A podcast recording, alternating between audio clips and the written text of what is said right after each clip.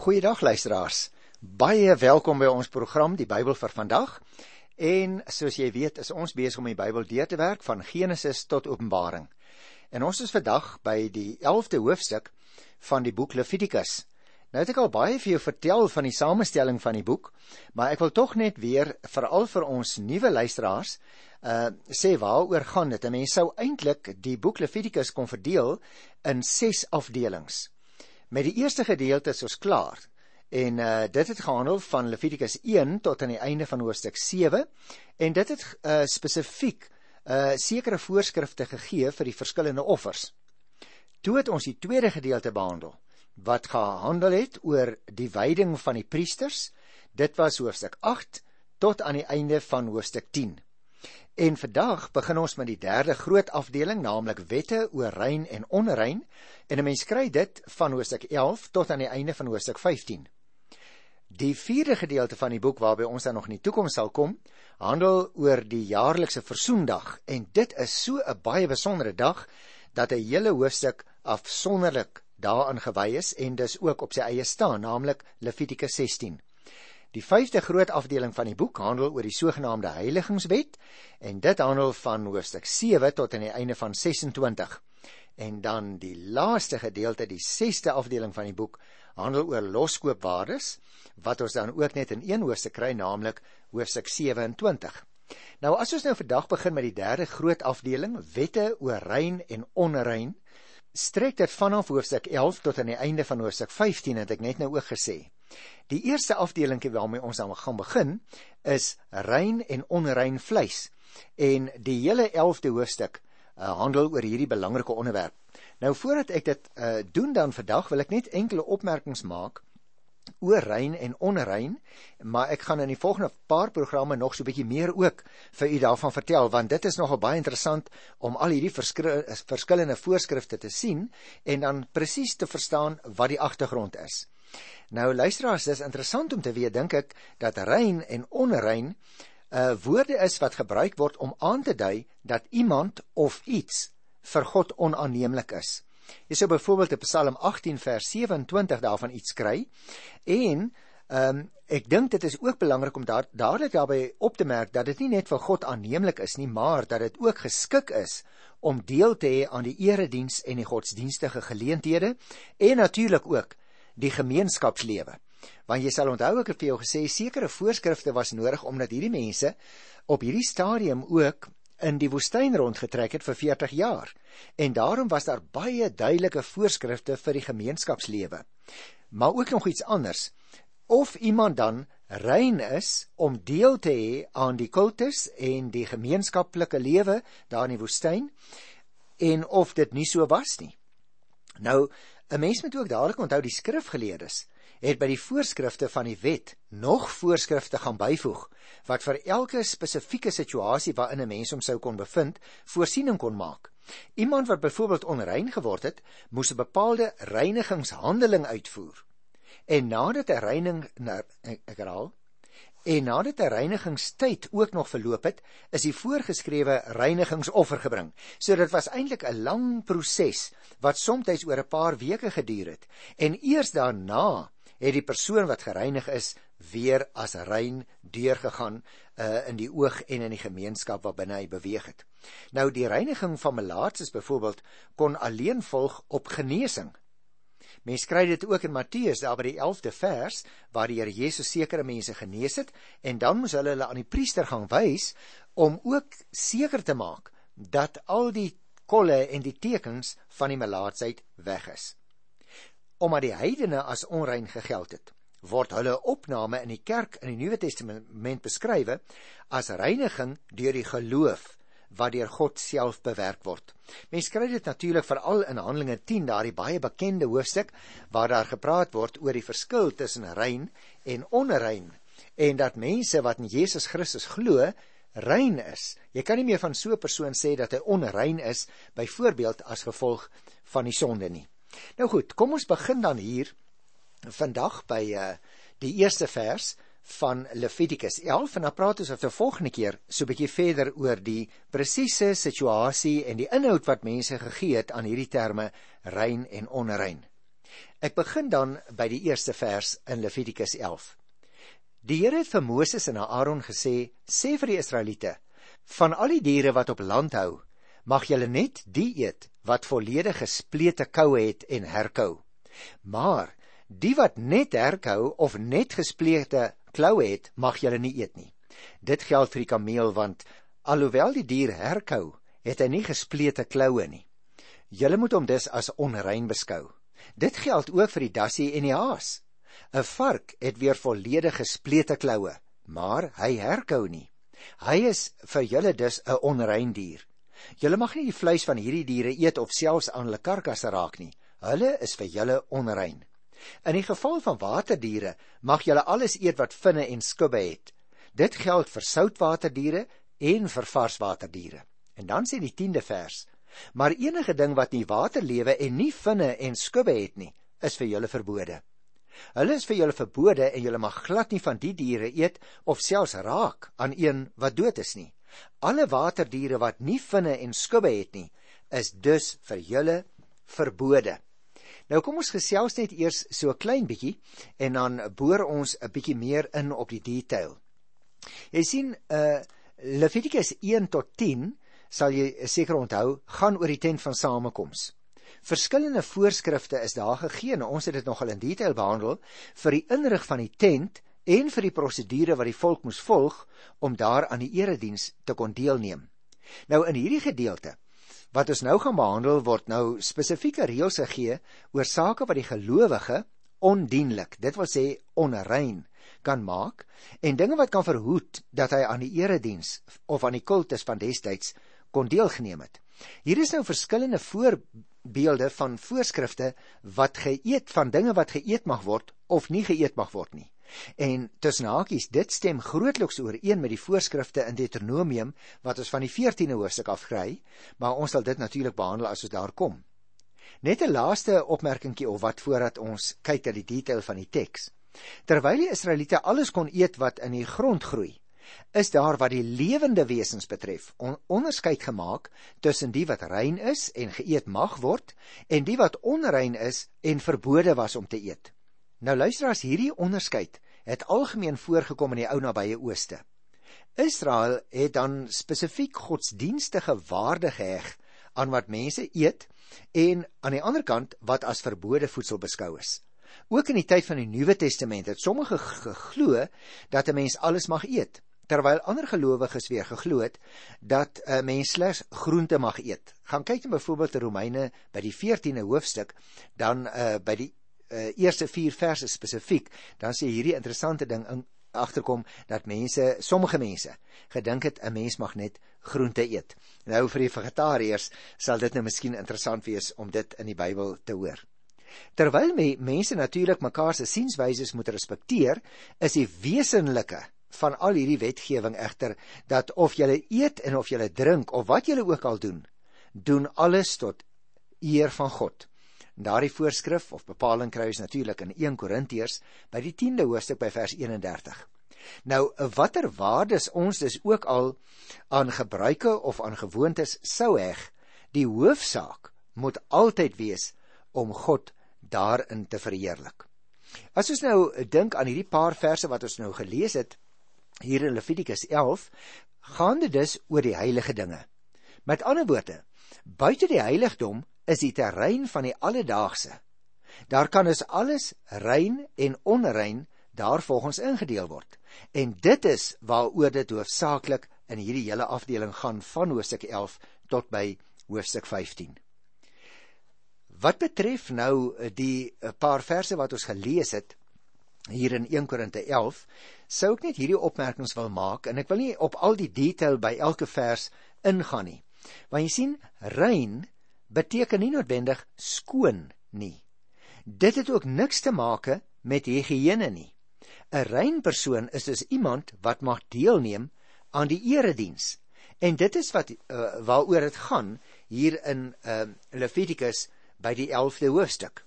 Daarom dink ek ook dat dit belangrik is dat ons uh, net nou op die groter details sal ingaan, hoewel ons nie op elkeen van die uh, spesifieke uitskrifte gaan uitbrei nie.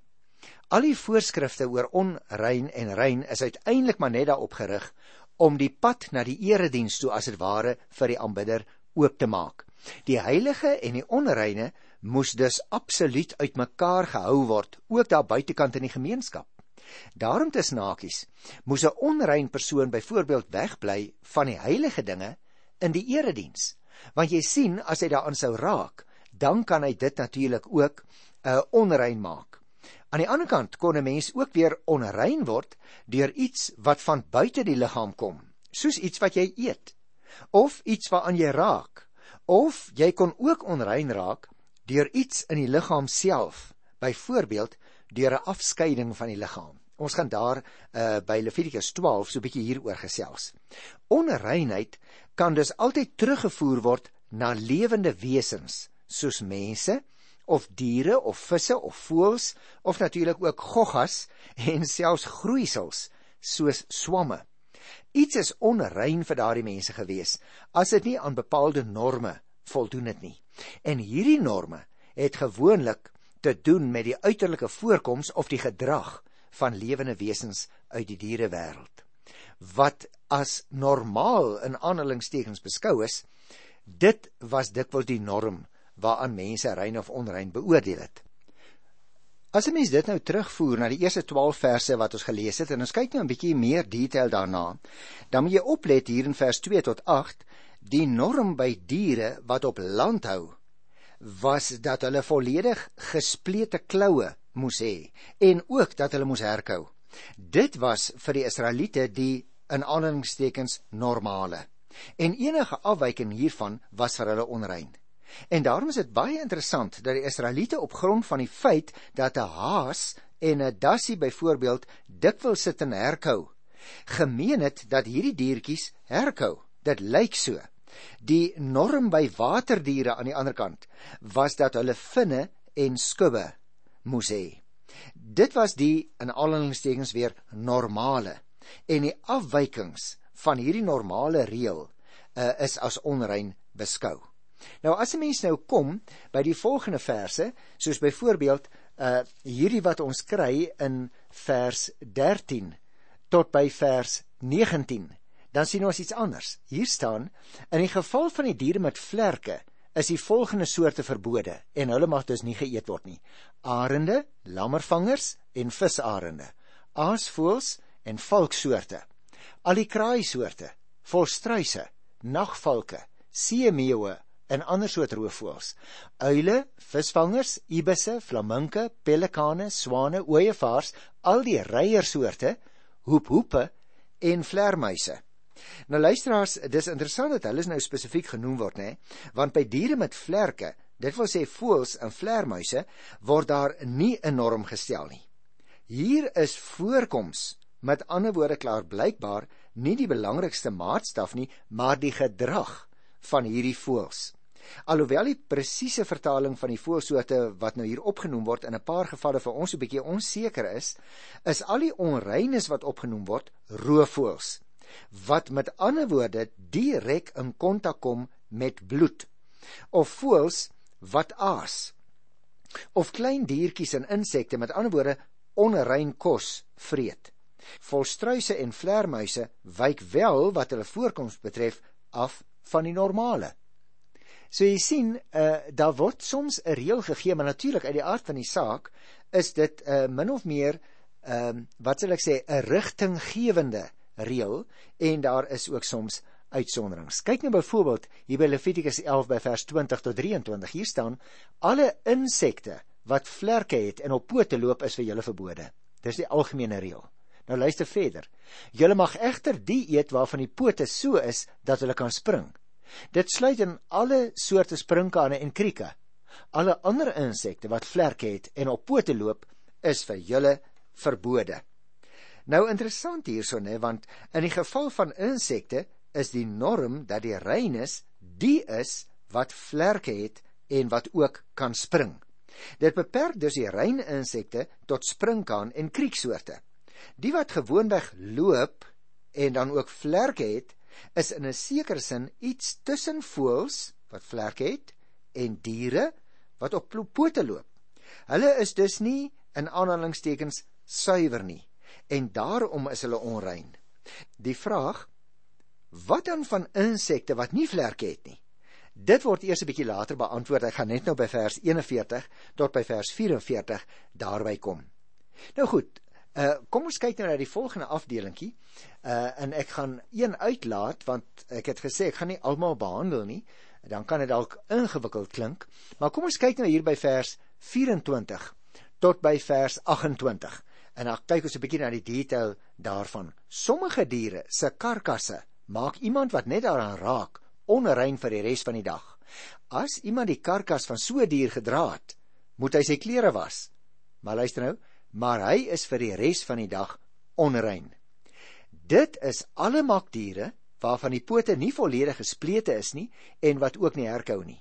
Dit is onrein diere en elkeen wat in die karkas van so 'n dier raak, is onrein.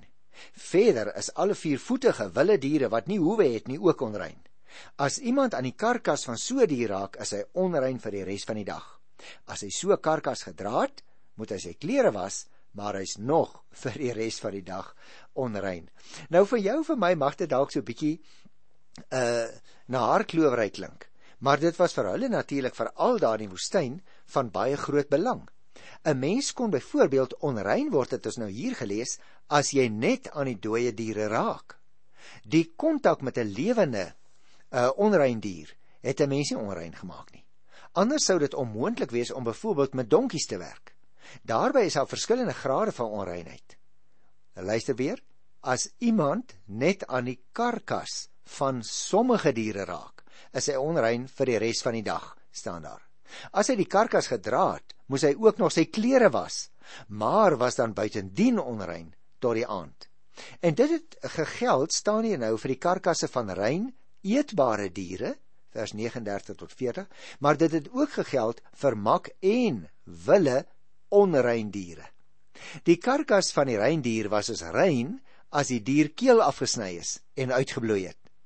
As die dier egter nie goed uitgebloei het nie, sien jy daar in vers 39, met ander woorde self gevrek het, dan was die karkas onrein. Nou kyk net hier van vers 29 tot by vers 40. Ek gaan nie die hele gedeelte lees nie, maar net om 'n indruk te kry van die bedoeling. Die volgende diertjies wat volop voorkom in die veld, moet julle as onrein beskou: molle, muise, alle akedissoorte soos geitjies, uh sandakedisse, boomakedisse, gewone akedisse en ook vir kleurmannetjies. Dit is onrein diertjies en elkeen wat so 'n diertjie aanraak, as hy dood is, is die res van die dag onrein. Luister nou hierdie interessante ding by vers 32. Enigiets waarop so 'n dooie diertjie val, is ook onrein. Dit geld vir enige gebruiksartikel van hout, lap, leer of grove linne, enige gewone gebruiksartikel. Dit moet in water gedruk word, maar is nog van die res van die dag onrein. Eers daarna is dit rein. Jy merk dis opluisteraar, die kleiner veldiertjies soos molle en muise en akedissoorte het 'n verdere probleem opgelewer. Behalwe dat hulle verbode was as voedsel en 'n mens onrein kon word as jy aan 'n dooie van die soorte raak, staan daar, kon die kontak met 'n dooie diertjie ook kos of water en daaglikse gebruiksartikels onrein gemaak het. 'n Gebruiksartikel moes in so 'n geval gewas word, het ons gesien, en dit is natuurlik dan nou onrein tot die aand toe. Wat ek nou nie gelees het nie, is 'n interessante mededeling in verband met 'n kleipot. 'n Kleipot waarin water en kos gebeere is, want jy sal weet dit was die gebruik van daardie tyd, en 'n kleioond of 'n klei kookplek waar kos voorberei is, kon deur so dooie diertjie permanent onrein gemaak word. En daarom moes dit dan vernietig word as dit onrein geraak het. Daar word egter 'n interessante uitsondering gemaak wat 'n fontein of 'n opgaardam of selfs ook saad betref. As hierdie water en saad ook onrein sou word, sê die 38ste vers, kon een dooie diertjie 'n hele familie of stad ten gronde laat gaan, want dan mag jy die water gebruik het nie.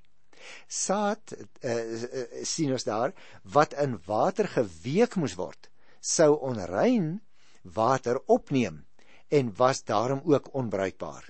Jy sien luisteraar, hierdie reinigingswette was nie bedoel om die lewe onmoontlik te maak nie, maar juis om die deelname aan die erediens moontlik te maak. Onthou weer dat mense regtig moes oppas vir peste en allerlei soort siektes wat kon uitbreek in die kamp. En daarom was hierdie wat sal ek dit noem? Gesondheidsreëls, gesondheidswette as jy wil, was dit van groot praktiese belang vir die uiteindelike oorlewing veral in die woestyntydperk wat 40 jaar geduur het. Maar kom ek lees die laaste gedeelte hier in Levitikus 11 van die 41ste vers af. Alle klein diertjies wat volop voorkom in die veld is vir julle verbode. Of hulle nou seil of op vier pote loop of baie pote het, julle mag nie van hulle eet nie, want dit is verbode. Julle moet julle nie besoedel met een van die diere dat julle onrein word nie. Ek is die Here julle God. Wy julle aan my diens en wees heilig, want ek is heilig. Julle mag julle nie verontreinig met enig van die kleiner diertjies wat volop voorkom in die veld nie. Ek is die Here wat julle uit Egipte land trek het, sodat ek julle God kan wees. En omdat ek heilig is, moet julle ook heilig wees. Ons het al van tevore hierdie uitspraak uh, teëgekom en daarom is dit nou van groot belang dat ons net sal besef dit gaan uiteindelik oor die verhouding tussen die Here en hierdie mense. Die bepalinge oor rein en onrein insekte byvoorbeeld waaroor ek net nou gesels het en die bepalinge oor kleiner diertjies waaroor ons ook gesels het word nou hier aangevul in vers 41 en 42 alle klein diertjies wat op die grond beweeg is onrein. En nou het jy opgelet dit sluit in alles verskillende soorte insekte soos duisendpote tot slange wat seil van alle ander insekte vleiend en kruipend was net die wat vlerke gehad het en kon spring, rein en dus eetbaar. Ons moet dus onthou die uh reinheidsvoorskrifte word begrond met God se verlossing uit Egipte. Soos leer vers 45 vir ons en wat ek net nou genoem het met God se heiligheid. Deur die verlossing uit Egipte het Israel God se volk geword. Om eiendom van die heilige God te wees en om hom te kan dien, moes hulle hulle self rein hou. Deur hulle rein lewens dan moes hulle aan die wêreld toon dat God hulle vir hom afgesonder het. En daarom dink ek is uh die samevatting duidelik hier in vers 46 en 47 luister. Dit is dan die reëling wat betrekking het op diere en voëls en op alles wat in water lewe en wat op die grond beweeg. Julle moet nou keurig onderskei tussen rein en onrein, tussen diere wat geëet mag word en diere wat nie geëet mag word nie. Jy sien luisteraar, die voorskrifte oor rein en onrein diere word afgesluit met 'n baie tipiese wetsformule. Deur hierdie amptelike uitspraak beklemtoon die Here dat Israel nou keurig moes onderskei tussen rein en onrein. Die Here vereis dit van die wat aan hom behoort om fyn te kan onderskei tussen reg en verkeerd. Die mense wat hulle self aanbied as lewende en heilige offers waarvan ons Romeine 12 vers 2 lees byvoorbeeld wat vir God aanneemlik is, is die mense wat kan onderskei wat die wil van God is. Gaan lees gerus weer Romeine 12 by die tweede vers, dan sien jy dit daar baie duidelik sien. Ek dink ook 'n vers wat vir ons as Nuwe Testamentiese gelowiges is en wat vir ons baie belangrik is, is 'n uh, Filippense 1 daar by die 9de vers sal jy onthou daar leer 'n mens dat uh, Paulus sê ek bid dat julle liefde sal toeneem sodat julle werklik sal kan onderskei die dinge wat die belangrikste is. Dit gaan dus daaroor dat hierdie mense, soos jy en ek ook in ons elke dag se lewe, voortdurend vir ons sal afvra, hierdie ding waarmee ek besig is of hierdie ding wat ek wil doen, bevorder dit my verhouding met God of stuur dit my as ware in 'n ander rigting want niks is natuurlik op sigself verkeerd nie.